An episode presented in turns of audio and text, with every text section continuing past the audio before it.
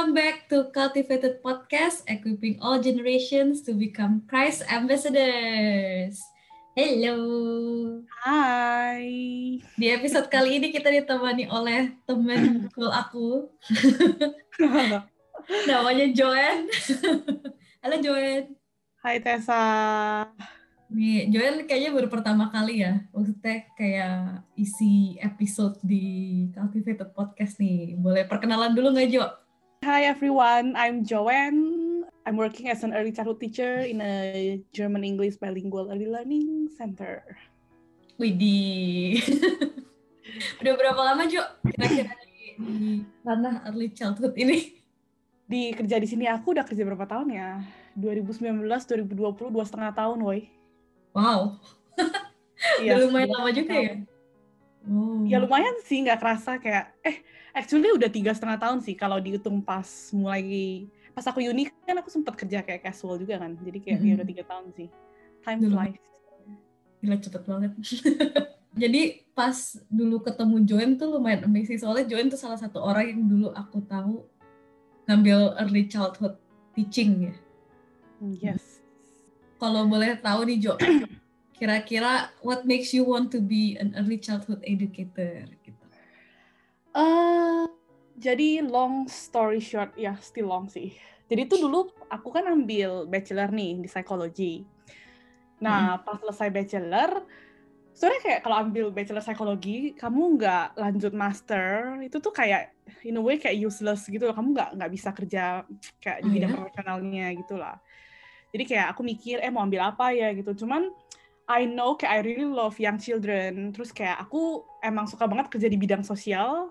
Aku I love educating. I love taking care of others. Jadi terus kayak waktu kan kayak oh kalau ambil early childhood mau dapat PR juga lebih gampang kan. Jadi ya akhirnya aku Hmm. ambil early childhood deh, gitu deh. Dan jadi kayak- Emang kebetulan ya? Emang Iya. kebetulan passionnya di situ? Iya, kebetulan nggak kebetulan ya, cuman kayak along the way gitu aku juga Hmm. find my passion and my calling in this area gitu. Mm-mm. Kayak aku kayak aku lebih suka educate, kayak aku lebih suka educating daripada teaching lah. Aku lebih suka ngedidik daripada ngajar kan. Jadi kayak pas banget sih di early childhood kan lebih empasisnya di mendidik kan, bukan yang ngajar kayak ngajar pelajaran gitu. Oh, oh jadi itu tuh two different things ya? Baru tahu. menurut aku two in one sih kayak I think as a good teacher you need to know both lah. Kamu harus bisa mendidik dan kamu harus juga bisa mengajar gitu. Cuman kalau early childhood itu kayak emphasisnya itu lebih kayak gimana ya? Lebih kayak set foundation for lifelong learning. Uh, behavior health gimana get along with others gimana uh, ngajarin anak response with stresses gitu-gitu. Sih nggak nggak too much. Jadi kayak justru di early childhood itu penting supaya mereka nanti pas masuk SD mereka secara emosional udah kuat gitu. Cuman nggak banyak belajar secara formal lah Oh, jadi lebih kayak apa ya? Bangun karakter anaknya atau mungkin Iya, apa sih sistem motoriknya kayak gitu ya? iya motoriknya sistem kayak gimana kamu uh, dealing with others kan kayak banyak kayak banyak banget anak-anak di sekolah yang kayak misalnya nilainya jelek mereka nggak bisa dealing with it gitu-gitu kan. Jadi kita percaya kayak sebelum kamu do formal studies hal-hal begini tuh penting banget lah gitu. Ah, iya, jadi buat yang ngedengerin nih mungkin kalian misalkan udah sekolah psikologi terus bingung mau lanjutinnya ke mana, mungkin bisa ambil pathway ini gitu kan ya? ya betul. Ya Uh, probably gitu kalau emang passionnya di situ gitu. Kecuali kalian frustrated ngeliat anak kecil ya jangan. ya itu bener sih. Kalau nggak suka anak kecil sih kayak kayak kalau kan juga banyak kan yang kayak Heeh. uh, cuma ambil gara-gara mau PR mereka kayak aduh gila tiap hari itu kayak torturing lah gitu kayak anak-anak kan nggak bisa diem berisik teriak-teriak terus Nah, emang beda banget ya sama 9 to 5 setting yang kayak di office gitu. Kan kalau di Beda office, sih. iya, kayak hubungannya sama grown ups juga kayak gitu. Jadi mungkin cara ngomongnya, communicating-nya kan kayak harus communicate sama anak-anak sama peers.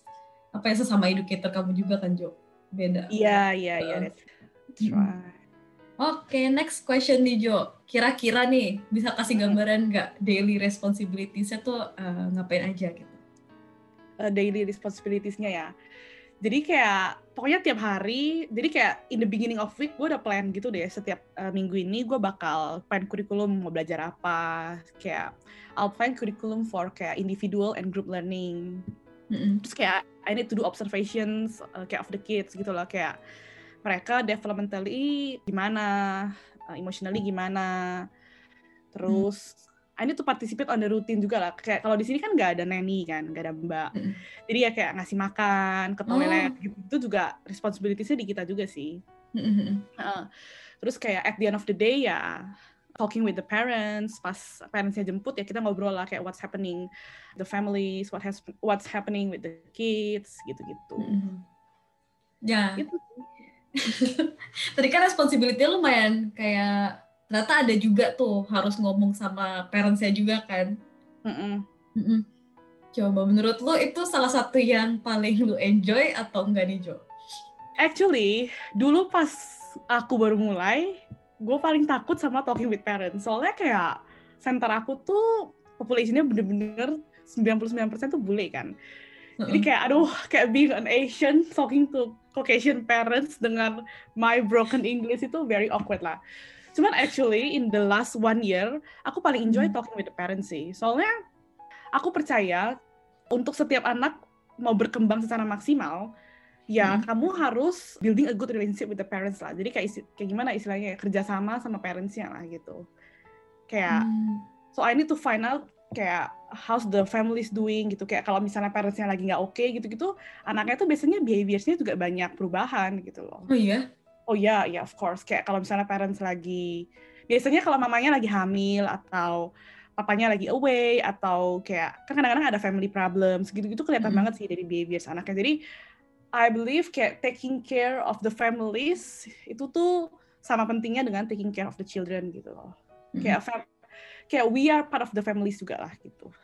Kayak as a Iya, iya, teacher iya. you are an important part of their families gitu jadi ya I really enjoy sih kayak talking with the parents terus kayak aku juga belajar banyak lah dari parentsnya kayak diajarin juga kadang-kadang kayak kalau aku udah frustasi sama anak-anak gitu kayak cerita, dulu aku nggak gitu mau cerita kan kayak aduh gila masa Iya. gue cerita gitu gue nggak bisa ha- harapin anak lu gitu cuman along the way gitu setelah kita cerita terus kayak saling tukar ide gitu gitu eh justru aku juga diberkatin gitu loh jadi belajar banyak dari Mm. mereka gitu gitu Jadi bukan cuman maksudnya bukan komplain ya, maksudnya bukan cuma curhat ke teman sekerja kamu kayak coworkers, tapi ke parentsnya juga kamu kasih tahu gitu kayak iya anaknya tuh kayak di school tuh kayak gini kayak gitu. Iya atau enggak kayak kita adults juga sering ada masalah kan kayak kadang-kadang kayak anaknya bermasalah tuh sebenarnya yang, yang bermasalah tuh kita kan kita nggak tahan kan Mm-mm. kita anaknya nangis terus-terusan gitu ya anaknya mah ya nangis-nangis aja buat mereka mah it's fine gitu cuman kita yang nggak tahan kan dengarnya jadi kayak ya aku juga jadi sering cerita sih sama mamanya kayak gimana kayak aduh anaknya harus stop nangis misalnya atau gimana gitu eh sebenarnya mereka bisa kasih ta- kasih aku banyak insight gitu loh Iya iya. Hmm, menarik juga ya. Soalnya kan beda gitu. Kalau kamu ngomong ke orang tua anak yang kamu jagain kan pasti kamunya tuh harus observe dulu anaknya kayak gitu. Jadi buat kasih tahu ke orang tuanya pesannya tuh nyampe gitu. iya iya iya Mm-mm. ya of course dipoles juga lah kalau sama pore- sama parents lah ya aku nggak bakal kayak brutal ngomong seadanya lah mesti ada yang harus difilter lah istilahnya lah Iya iya. iya. good good insight. Oke. Next questionnya nih Jo. Kan lu kerja di early child education, dealing with kids and the parents as well. Kira-kira does it impact your apa ya Christian life gitu? Oh, yes, of course. Kayak sejak aku jadi teacher, I can see the importance of children ministry sih. Kayak aku kayak aku jadi kayak benar-benar ngerti gitu loh kenapa pelayanan anak tuh penting banget gitu loh. Karena ya they are the next generation gitu loh. The next generation is in our hands gitu. Terus Hmm. kayak apa ya eh, aku banyak belajar sih belajar kayak the importance of planting seeds. Kayak you, you apa ya Hmm. you reap what you sow. Itu sih yang aku paling banyak belajar. Terus aku juga belajar rely more on God's grace and mercy gitu. Kayak gila weh kalau bukan kalau kalau bukan karena rahmat Tuhan ya aku I can't do this job sih kayak bener-bener kayak dealing aku, with iya kayak aku sendiri Iya. soalnya kayak aku juga nggak seberapa aku ngerasa aku orangnya nggak seberapa sabar kan Mm-mm.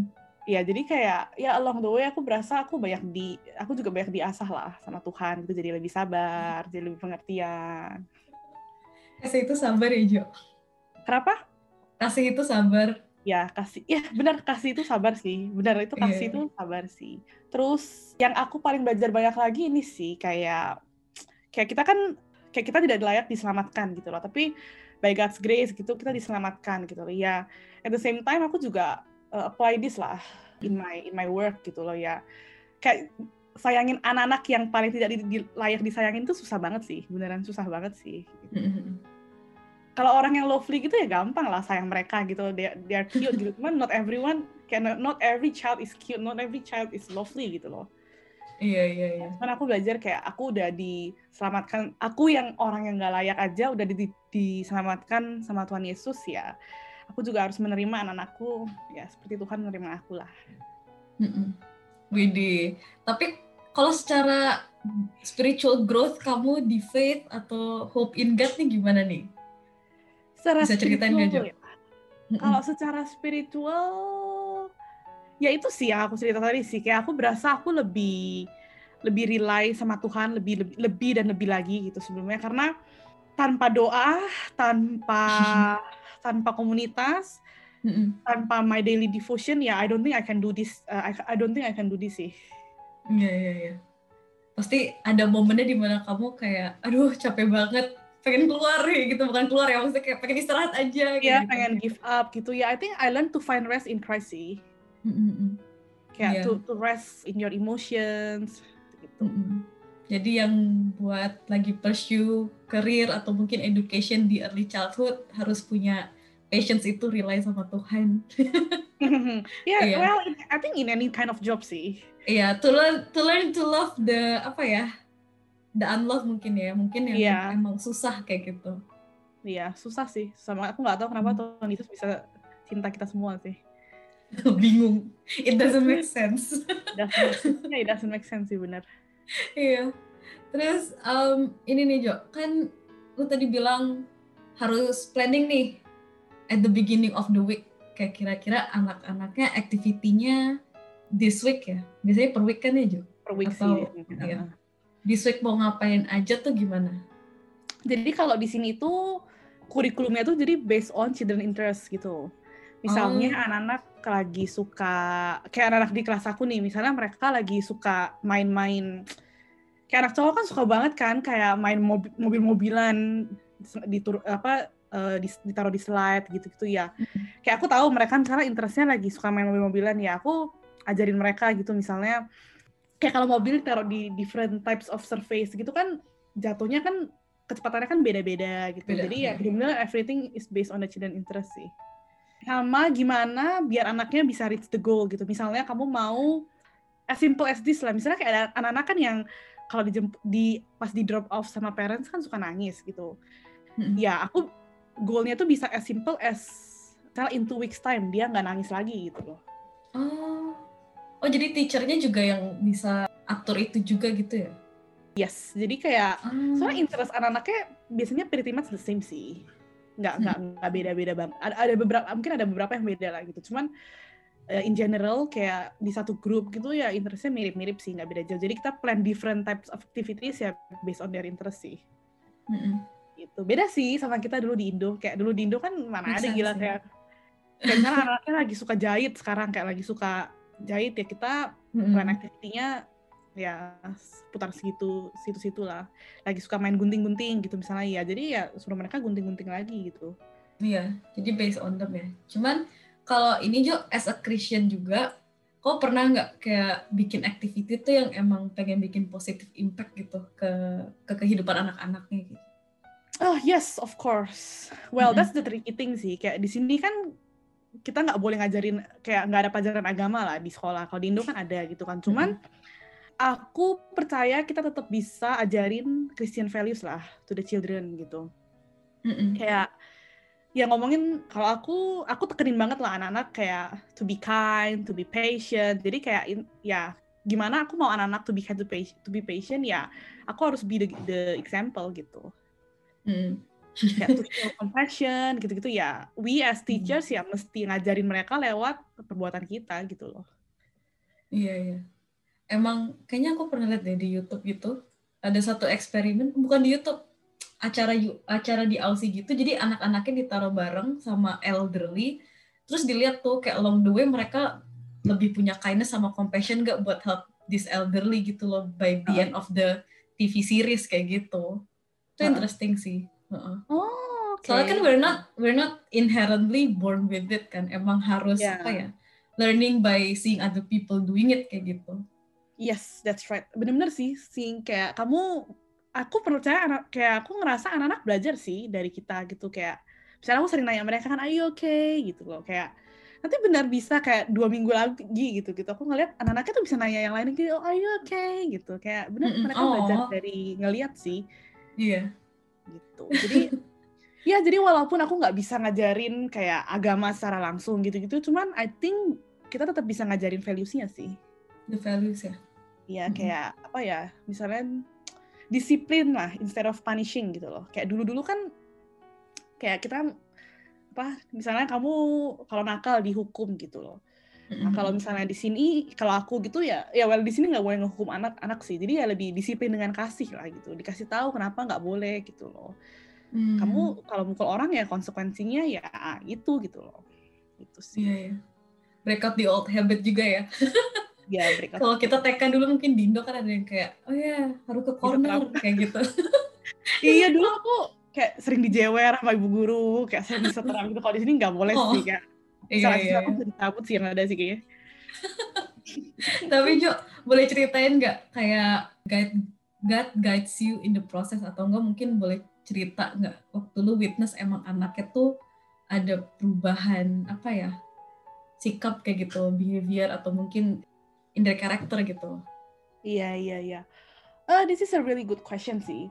Actually ada sih satu anak di kelas aku gitu kayak kayak sih hard to deal with lah. Kayak anaknya nggak lovely, kayak su- nggak ya emang nggak susah disayang terus kayak suka teriak-teriak.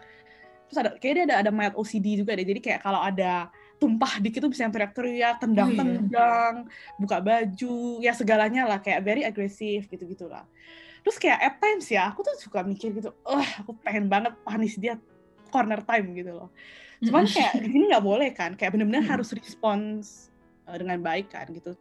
Untungnya di di kelas aku juga kita as teachers juga kita kita uh, menyatu banget lah gitu. Jadi kita bilang ya benar-benar harus anak-anak yang susah kayak gini tuh emang benar-benar justru harus disayang gitu loh, harus dikasih say dikasihin lebih lagi gitu.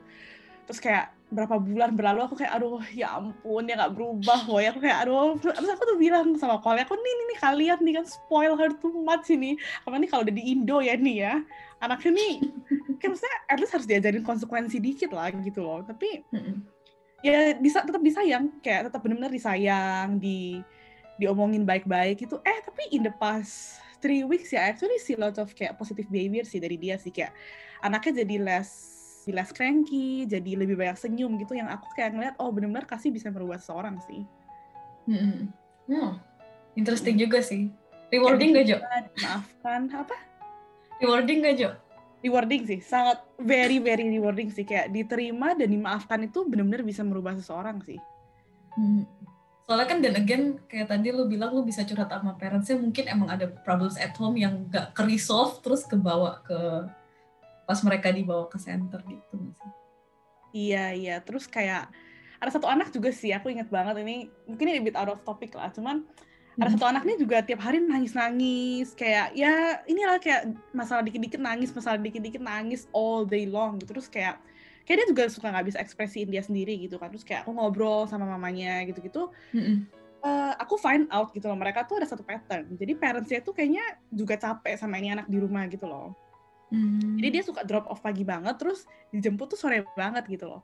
Terus dari jemput sore, dia tuh selalu bawa anaknya ke playground buat makan. Soalnya anaknya susah makan, emang ini anak susah banget makannya. Jadi kayak dikasih snack ke playground biar dia makan gitu. Terus akhirnya tuh aku suggest ke dia, aku bilang, coba deh let's try this deh. Kamu coba pick up dia satu jam lebih early tiap hari. Terus Ah.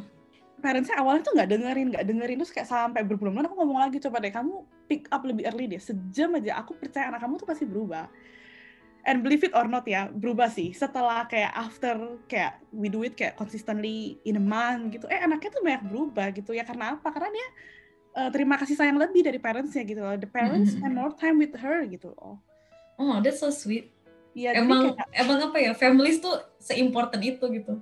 Iya, seimportan itu maksudnya mau mau segimana aku sayang sama dia, dia tetap anak papa mamanya gitu loh. Dan ya kasih merubah merubah seseorang sih, bener sih. Even even the young ones gitu ya. Yeah, even the young ones they can feel. Mm-mm. That's interesting sih Jo. Tapi besides that ada lagi nggak kayak one of struggles or challenges in this apa ya in, this, area gitu. This area. Oh ya, yeah, a lot. Kayak yang paling obvious challenge-nya ya ini sih kayak di sini kan lagi dipromot banget kan kayak uh, you need to find out uh, your own identity gitu loh. Kamu boleh hmm. kayak udah ke arah situ lah. Kamu boleh decide sendiri kayak whether you wanna be a boy or a girl. Terus kayak hmm. LGBT ya those uh, apa sensitive issues lah gitu. And obviously it's against my values lah as a Christian gitu loh. Ini ini hmm. very challenging sih to be honest sih. Iya, yeah, iya. Yeah misalnya ngelihat anak cowok gitu loh suka pakai dress pakai rok gitu kan di sini kan di encourage banget kan justru kayak everyone saying oh that's good gitu loh lu find out your identity gitu loh Cuma kalau aku sih aku tetap panggil dia no you are a boy sih kayak know, kayak ada beberapa orang yang kayak oh my girl gitu aku nggak sih kayak kalau cowok aku tetap panggil oh you are a boy gitu sih. Iya yeah, iya. Yeah. I guess it is the challenge as well. Soalnya aku ada temen dia ngambil subjek itu di uninya. Dia struggle banget sih waktu dikasih assignment itu sama gurunya. And especially I think waktu datang ke fieldnya sendiri kayaknya lebih susah lagi aja soalnya you have to somehow practice it gitu kan. Iya iya. Susah sih. And aku juga dulu nggak nggak nyangka gitu loh. It's it's real gitu loh. Dulu dulu kan aku ngeliat cuma di sosmed di berita hmm. gitu kan. Tapi now kayak I face it every day aku juga sendiri juga takut. Aku yang ke influence gitu loh kadang-kadang mm-hmm. Soalnya kayak you do it every day kan, and you have to respect them loh. Maksudnya kamu nggak boleh against them kan. Iya. How do you deal with it gitu? Kalau misalkan when you come into that situation gitu. Nah kalau di center aku, so yeah I'm blessed lah, I'm working in a really good center. Jadi center aku juga bilang kayak, soalnya kita banyak orang internasional gitu-gitu kan. Jadi dia bilang kayak, jadi kayak my boss gitu bilang sih, jadi kayak if you are not comfortable kayak teaching in this area ya just leave it to your colleagues sih. Wow. Ya, ya yang yang comfortable banget. Soalnya kamu nggak bisa teach menurut ya ini benar sih. Jadi bos aku tuh kayak selalu bilang gitu, kamu nggak bisa ngajarin orang value yang kamu sendiri juga nggak percaya gitu loh. Mm-hmm. Aku sendiri aja against itu gimana aku mau ngajarin anak-anak gitu loh. Yeah. Jadi kayak aku nggak aku lumayan avoid sih to be honest sekarang. It's by grace sih Jo, because I don't know ya, mungkin nggak semuanya punya owner atau enggak manager tuh yang sebaik itu gitu loh, yang yeah. bisa kasih that leniency gitu loh. Iya, aku juga ya, ini, iya ya aku ya ini aku bersyukur banget sih bener-bener kayak Tuhan kasih aku bos yang baik, kayak kolik yang baik, hmm. yang bisa saling ngertiin, bisa saling uh, respect each other values gitu-gitu. Hmm. Hmm, terus okay. apalagi ya? ya. Apalagi Jo? Working with colleagues sih, kayak apalagi ini kan di industri ini kan cewek semua kan. Oh suka gosip lah itu aduh kayak namanya cewek kalau ada satu masalah itu kan oh ngomongnya itu wow. kayak I need to constantly remind myself hey nggak boleh ikut gosip ya nggak boleh kayak ikut-ikutan. Kayak you need to maintain your integrity lah gitu. Integrity. Must be difficult sih. Iya difficult sih. Kadang-kadang aku juga misalnya ada kelas sama itu orang, terus aku udah sempat dengar tentang dia gitu, aku kayak ih itu orang emang kayak gitu, cuman aku kayak nggak boleh nggak boleh. Kalau kamu ada masalah sama itu orang, talk with apa talk with her or him directly lah. Kamu nggak boleh denger dari hmm. orang apa, terus kamu langsung kayak asumsi itu orang apa. And it's true sih, kayak gosip tuh bisa benar-benar bikin bikin drama gede sih. Mm-mm. Unnecessary lah, ya, ya bisa di resolve ya. ya. yeah. And ya, yeah, thankfully aku nggak pernah involved in drama sih, so good. Hmm. Oh, that's really good to hear. Okay. In this last part nih Jo, do you have any advice for those who are apa ya lagi studying early childhood or yang baru just start in this field gitu? Any advice atau encouragement? Pesan aku satu sih kayak the more you understand God's love, the more you know how to demonstrate your love towards others sih, especially the kids ya. Kayak cause loving the kids itu penting banget sih. Jadi kayak hmm sebelum kamu tunjukin gimana kamu sayang sama anak ya kamu juga harus ngerti kamu gimana disayang sama Tuhan sih kalau enggak susah sih ya, apa ya tuh rely on God's grace sih iya. rely yeah. on God's strength because we could not raise children by our strength we need God's help yeah. even this is from teacher's point of view ya gimana dari parents ya gitu ya yeah, I think uh, to kalau yang dengar podcast ini and if you are a parent, aku bisa bilang you guys are great. Kayak susah menjadi parents. Kalau aku kerja sama anak aku kayak, oh, being a mom, being that is hard. It's very hard. Hmm. Bener-bener susah banget sih. Kayak, ya yeah, you need you need God sih more than ever before sih. Terus apa lagi ya? Jangan ambil early childhood education hanya karena kamu mau PR. Karena you you can do this job well sih kalau kamu emang nggak benar-benar passion ini sih. Susah banget sih. It takes a lot requires a lot deh Jo Iya, emotionally gitu-gitu lumayan draining sih. Jadi kayak mm -hmm. ya kamu harus ya suka anak-anak sih the first ya. Terus kayak think eh well if you know kayak ini tuh calling kamu if you know this is your passion ya kamu bakal terus pursue it lah. Mm -hmm. it's not an easy journey gitu. Ya. yeah and yeah allow yourself to be vulnerable seeking help seeking out for help sih from seniors gitu-gitu mm-hmm. kayak dulu aku juga soalnya lumayan prideful sih kayak uh, kayak kalau misalnya aku ngerasa nggak bisa ngomong sama parents aku kayak ah kok rasanya lemah banget ya gitu cuman the more I seek help kayak the more I realize oh actually uh, kayak kita saling membantu sih mm-hmm. I think it applies in other jobs as well. yeah, yeah. yeah. Jangan prideful lah. It's okay to to ask for help. Gitu. Yeah, yeah. Don't be prideful. Yeah. Mm-hmm. Itu sih. Hmm. Oke okay, Jo, ada favorite verse atau enggak books enggak yang apa ya? Yang bener-bener tuh kasih impact atau enggak kasih encouragement whenever you feel tired gitu when doing this job as an early childhood educator gitu. Of course, Corinthians 13. Oh, coba bacain Jo. Love is patient, love is kind, it does not envy, it does not boast, it does not it is not proud, it is not rude, it is not self-seeking. Hmm. It is not easily angered, it is it keeps no record of wrongs. Love does not delight in evil, but rejoice in the truth. It always protects, always trusts, always hopes, always perseveres, love never fails. Amin. ya ini sih. Amazing first. Ya ini value yang aku mau ajarin ke anak-anak juga sih. So ya, yeah, I put it in my desk. Terus kan the next the next verse ya kayak no law against it gitu kan. Jadi kayak that's a value that that is apa ya bagus gitu loh buat semua orang punya kayak gitu. Especially yeah. if you're a Christian. Kind. Kayak I think everyone kayak itu value yang setiap orang harus punya sih being kind, being patient, universal language. Yes. Gimana nih yang ngedengerin nih? I pray banget buat yang ngedengerin, buat bener-bener terberkati dari podcast ini, dari teman kita yang join. ya, buat yang pursue early childhood juga semangat, tetap cari passion kamu di situ. Keep loving the unlovable gitu. Mm. oh pasti bisa. Alright. Yeah. Thank you so much for listening. Thank you juga buat Joanne yang udah isi podcast kita hari ini. Thank you for having me. Thank you for listening. Thank you. And don't forget ya, kita ada di YouTube, ada di Spotify, dan di platform lainnya. Oke. Okay. Bye semuanya. Bye. Terima kasih sudah mendengarkan podcast kami. Share podcast ini kalau menurut kalian memberkati. Cultivated Podcast tersedia di Spotify dan YouTube dan kalian bisa cek juga Instagram kita di cultivated.podcast. Terima kasih.